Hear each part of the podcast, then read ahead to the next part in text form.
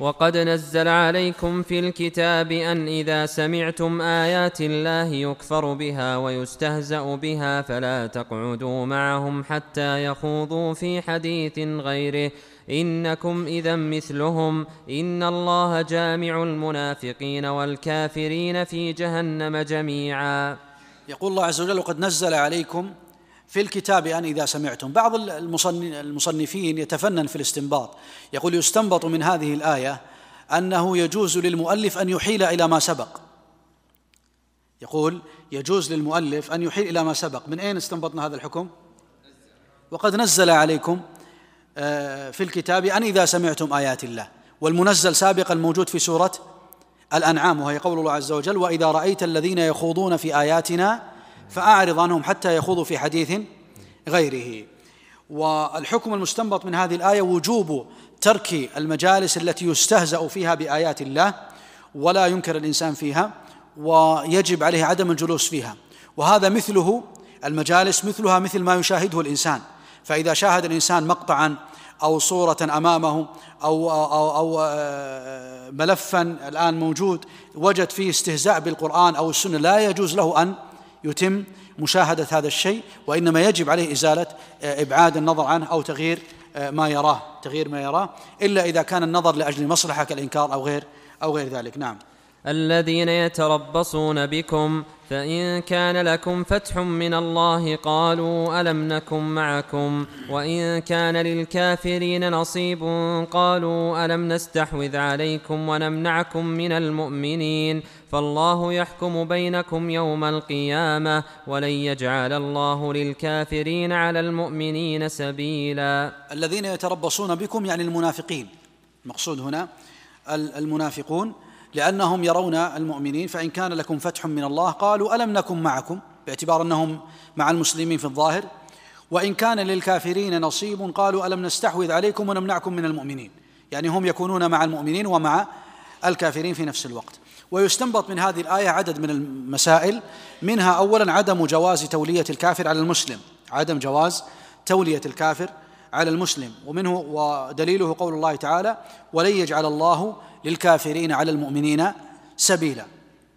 الحكم الثاني المستنبط أن الله سبحانه وتعالى آه، لا يجعل لأهل الكفر على على أهل الإيمان سبيلا يمحون به دولة الإسلام وهذا حكم قدري من الله عز وجل وهو ثابت في السنة.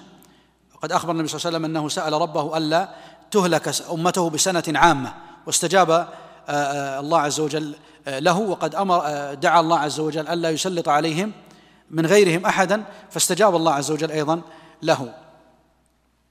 أيضا آه، يستنبط منها أن أن الله سبحانه وتعالى لا يجعل آه، للكافرين على المؤمنين سبيلا إلا إذا اختلفوا فيما بينهم وتراضوا بالباطل وتركوا الأمر بالمعروف والنهي عن المنكر يسلط الله عز وجل عليهم شخصا أو أمة من غيرهم. نعم.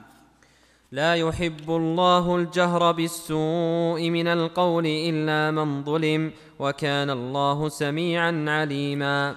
هذه الآية فيها أدب من الآداب وهو تحريم الجهر بالسوء من القول. يعني لا يجوز الإنسان أن يجهر بالسوء من القول كأن يتهم شخص أو يقدح في شخص إلا في حالة واحدة وهي قوله تعالى إلا من ظلم وفي قراءة إلا من ظلم. إلا من ظلم. من ظلم يعني من وقع عليه الظلم يجوز له أن يجهر بما ظلم به كأن يقول له أنت ظلمتني أو أنت سرقتني أو هذا آه، أنصفوني من فلان. هذا جهر. يجهر به للناس حتى يعينوه أو يذهب إلى المحكمة أو يأتي إلى شخص من أعيان المسلمين ويخبره بما حدث مع هذا الشخص. هذا يجوز له. وأما من لم يظلم فإنه لا يجوز أن يتحدث في أحد. وأما على قراءة إلا من ظلم يعني إلا من ظلم يجوز لكم أن تجهروا بالسوء معه. نعم. يستفتونك قل الله يفتيكم في الكلالة. إن امرؤ هلك ليس له ولد وله أخت فلها نصف ما ترك وهو يرثها إن لم يكن لها ولد. فإن كانت اثنتين فلهما الثلثان مما ترك. وإن كانوا إخوة رجالا ونساء فللذكر مثل حظ الأنثيين. يبين الله لكم أن تضلوا والله بكل شيء عليم.